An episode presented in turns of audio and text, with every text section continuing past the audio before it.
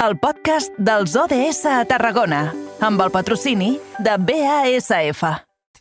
Soc qui dóna vida als teus somnis, qui fa de les teves pors por, qui t'ajuda a abraçar les teves inquietuds.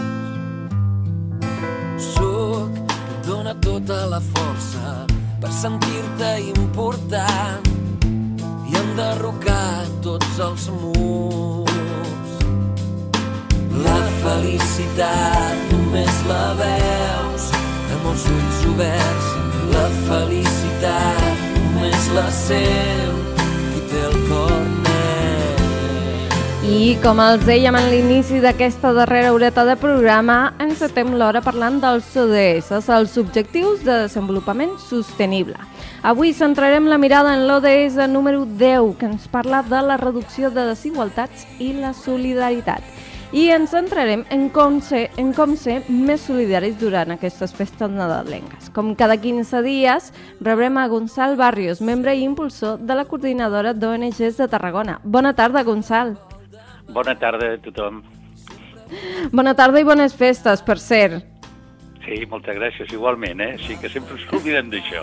Bones festes a tothom. Gonçal, eh, abans d'entrar en matèria, clar, feia dues setmanes que parlàvem amb tu i justament eh, ens vam centrar en parlar de la segona setmana dels drets humans que es va celebrar a Tarragona i que el cap de setmana passat es va tancar.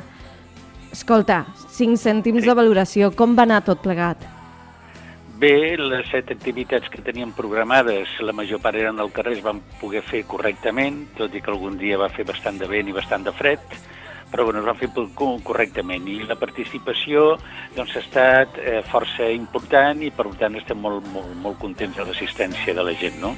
especialment amb aquestes activitats al carrer que es van fer amb una zona cèntrica de Tarragona com és la plaça Corsini, que és davant del mercat.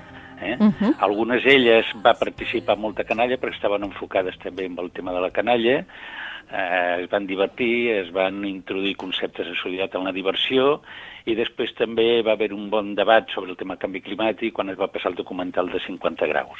Per tant, estem prou contents. Uh -huh. No sé si ja uh, s'ha confirmat o esteu pensant en, en com encarareu la tercera edició de l'any vinent. Sí, confirmar no, eh, perquè encara tenim que fer doncs, la valoració de lo que ha sigut enguany, també de lo que es va fer l'any passat, lo d'enguany, i començar a planificar les activitats el proper any. Però tant individualment de, la, de cada ONG de les que conformen el, la coordinadora d'ONGs a Tarragona, com les que fem conjuntament entre nosaltres o les que fem com a pròpia coordinadora. És a dir, tenim que planificar tota la situació perquè ja veieu que l'estabilitat social avui dia és molt crítica i per tant necessitem necessitem una miqueta de tranquil·litat per poder planificar totes aquestes activitats. Doncs mira, potser us venen unes setmanes i una entrada d'any que encara us ajudaran a aconseguir, a aconseguir esperem, això. Uh, però, Gonçal, ara que, ara que estaves dient una cosa, inestabilitat social. Això a l'entrada de les festes de Nadal que se celebren aquest cap de setmana. I clar, la pregunta base d'aquesta entrevista és podem ser solidaris durant el Nadal? I tant, i tant que tenim que ser solidaris. Però, bueno, eh, estem vivint en un món d'alt consum, sobretot en aquests moments de Nadal, no? D'això no se li escapa a ningú. I, per tant, en un moment de crisi i d'alt consum com aquest, hi ha una part important de la població que queda marginada. Això tampoc se li escapa a ningú. Per tant, el primer que tenim que fer és qüestionar o visualitzar el model actual que per, o pretén un creixement infinit, cosa impossible, perquè cada vegada som més gent i volem més cada un, per tant, aquest creixement és inviable i tenim que anar cap a un altre model doncs, amb consum més responsable i sostenible i no amb un consum desmesurat i incompulsiu. No? Per exemple, uh -huh. jo que sé, se m'ocorreix, eh, no sé, quatre o cinc punts. No? Per exemple, el tema de la roba, no? Eh, tot, tothom va amb bosses de roba comprant aquí, comprant allà. Doncs bé, estem sota el que li podríem dir la dictadura de la, de la moda, no? I una concentració d'empreses, aquelles botigues familiars i tal s'han acabat, i més aquí a Catalunya que tenim una traducció tèxtil molt important, i tot està concentrat en poquíssimes empreses. Si vegéssim, empreses aquestes tenen quantitat de marques comercials a les que estan distribuïdes per tot el país, no?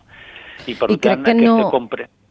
Digue, digue. I crec que no en som prou conscients uh, de que, per exemple, ara que anomenaves uh, justament aquesta indústria textil del fast fashion, um, no som prou conscients del que costa fer cadascuna de les peces de roba que nosaltres ens posem en el dia a dia i que de cara a l'any vinent ja ho deixem estar a l'armari.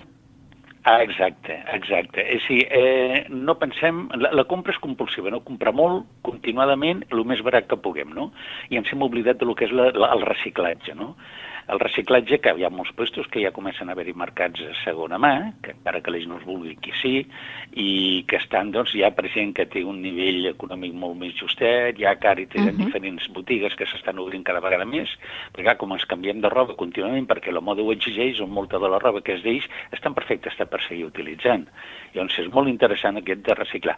En algun àmbit ja s'ha fet, per exemple, en la roba dels nens, a les sabates infantils, les joguines, tot això s'està establint, hi ha una tendència important de reciclar, i sobretot en les famílies, no? el que era pel nen més gran ha seguit per l'altre i després per l'altre i tal. Vull dir que aquí ja comença a haver una tradició, una tradició que podíem ampliar. No? Després això que deies que era el tema de la producció, com se produeix. No?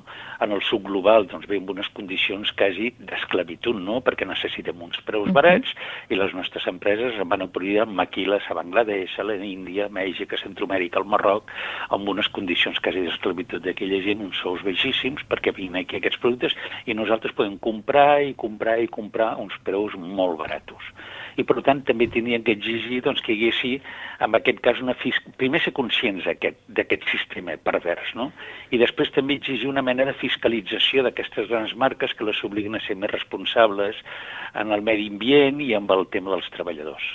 Per això ho podríem passar, per exemple, jo què sé, als productes electrònics, no? en tot el tema de l'obsolescència programada, no? I, uh -huh. i també que no es poden reparar molts aquests aparells i que a més te fa volver eh, una cosa al cap de 7 o 8 anys que ja està programada i te'l tens que canviar totalment doncs perquè ja s'ha descatalogat el producte o hi ha una ausència de peces de repòs, bé, ja la Unió Europea s'està posant una miqueta davant d'aquest tema. O si és que fins i tot és...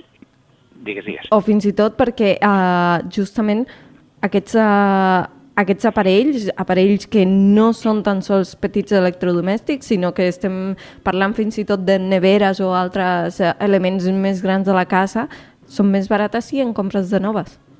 Exacte. Exacte, això és un, això és un despilfarro total, vull dir, no, no, no es pot mantenir aquest sistema, no? Eh, uh -huh. Tu te'n vas a països, jo que sé, Centroamèrica i tal, hi ha neveres que fa 30 anys que les tenen i funcionen, faran més o menys gel, però funcionen, però hi ha les neveres noves, les rentadores, els aires acondicionats, els ordinadors, amb els ordinadors, per exemple, la incompatibilitat que hi ha que de seguida es queda, no, no, no hi ha forma d'actualitzar els, els, els productes, els softwares s'han passat de moda, amb els telèfons també passa contínuament, en tot el que significa doncs, eh, tota la mineria per obtenir els, els, els minerals que són necessaris per fer això. Bueno, és tota una cadena, diguem, d'un despilfarro total, no? I vull dir, es té que posar una miqueta de sentit comú amb això.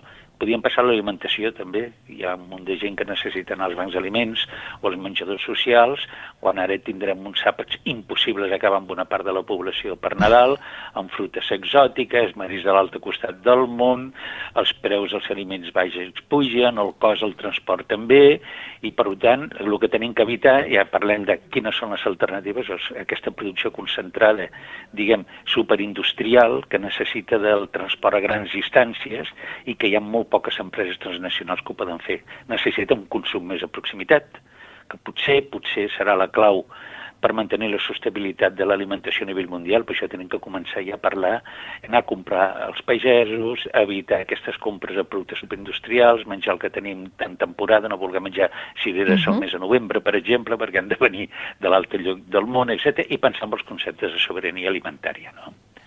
Però, uh, Gonçal, quan expliques tot això, uh, tinc la sensació que uh, quan parlem de ser solidaris durant les festes nadalenques, evidentment, uh, la majoria de la, de la part, gràcies a campanyes de joguines solidàries o fins i tot grans campanyes com ara la, la Marató de TV3, uh, ens ajuden a fer la mirada de, de ser solidaris sempre en, la, en el nostre radi d'acció, és a dir, a la nostra ciutat, a, a la nostra comarca. Però si parlem uh, de cara a la visió internacional, És mm. fàcil uh, posar aquesta mirada internacional dintre de, del món solidari uh, en èpoques nadalenques? Hi ha, hi ha campanyes, hi ha moviment en aquest sentit?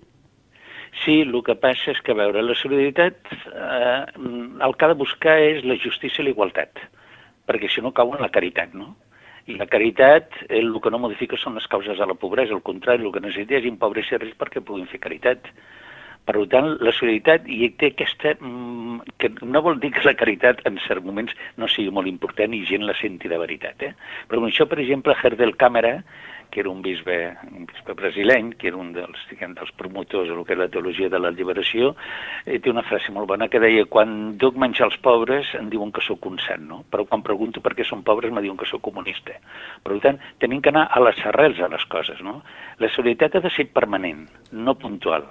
Està molt bé que la població, per exemple, amb un per exemple, el tema de la marató, no? amb un macroprograma ajudat per una, diguem, macropropaganda amb presència mediàtica de personatges famosos, etc etc, s'impliqui un dia per un objectiu concret, no? Que possiblement aquest objectiu, si és sanitari, o que sé, la busca d'un fàrmac o el que sigui, algú del càncer, bueno, eh, aquests objectius que es fan puntuals, doncs a la millor tindria que estar financiat d'una altra manera, però ja està bé que la població se sensibilitzi i participi, no? Però no ha de ser un fi en si mateix per tranquil·litzar les consciències, per veure que ja has complert i que ets una persona tan solidària que pots passar eh, reconfortat fins a l'any següent. La solidaritat ha de ser permanent i no puntual i qüestionar realment les causes que provoquen la pobresa d'una gran part de la població. No? Jo tinc, per exemple, una companya, que ara l'han fet aquí a Tarragona, filla adoptiva, que la té va ser una frase que quan es va fer la presentació d'ella em va agradar moltíssim, va dir cal tenir cura de que tot, cura de tot el que és públic, no? perquè és on existeix la igualtat d'oportunitats. I això és molt important, no? Per exemple, una de les alternatives és lluitar per la sanitat pública, per l'ensenyament públic, etc etc. no? perquè és allà on realment tota la població pot ser igual davant d'una situació d'emergència. Bertolt Brecht, per exemple, deia que hi ha hombres que lluiten un dia i són bons, no? N'hi ha que lluiten un any i aquests són millors. Hi ha gent que lluita molts anys i aquests són molt bons, però hi ha gent que lluita cada dia de la seva vida, aquests són els imprescindibles, no? Potser el tema seria plantejar-nos aquest model de desenvolupament que tenim, que es potència moltíssim, es dispara molt per Nadal, i pensar doncs, que sí, són importants els bancs d'aliments, per exemple, no? perquè la gent pugui passar aquestes festes menjant la que tingui moltes restriccions econòmiques pugui menjar, eh, però bueno, no solament quan s'acaben les festes s'ha acabat ja. Això seria la caritat. La solidaritat significa que això és una injustícia que tota aquesta població té que tenir unes mínimes condicions humanes i dignes per poder viure, no? I en això es basa la solidaritat. Eh, crec que és aquí on hem de deixar aquesta entrevista perquè ho has dit claríssimament. Gonçal Barrios, membre i impulsor de la coordinadora d'ONGs de Tarragona, Justícia, Igualtat, una solidaritat permanent i esperem que el 2023 estiguem una mica més a prop. Moltíssimes gràcies, Gonçal, uh, per apropar-nos l'actualitat internacional i també per uh, donar-nos a conèixer tot aquest món de la, de la solidaritat cada 15 dies. Avui és la darrera secció que fem de l'any, però ben segur que el 2023 tindrem més melons que, que obrir. Gràcies per tot, Gonçal. Molt bé, vosaltres, i ara m'oblido. Bones festes a tothom. Bones festes, que vagi molt bé. Adéu.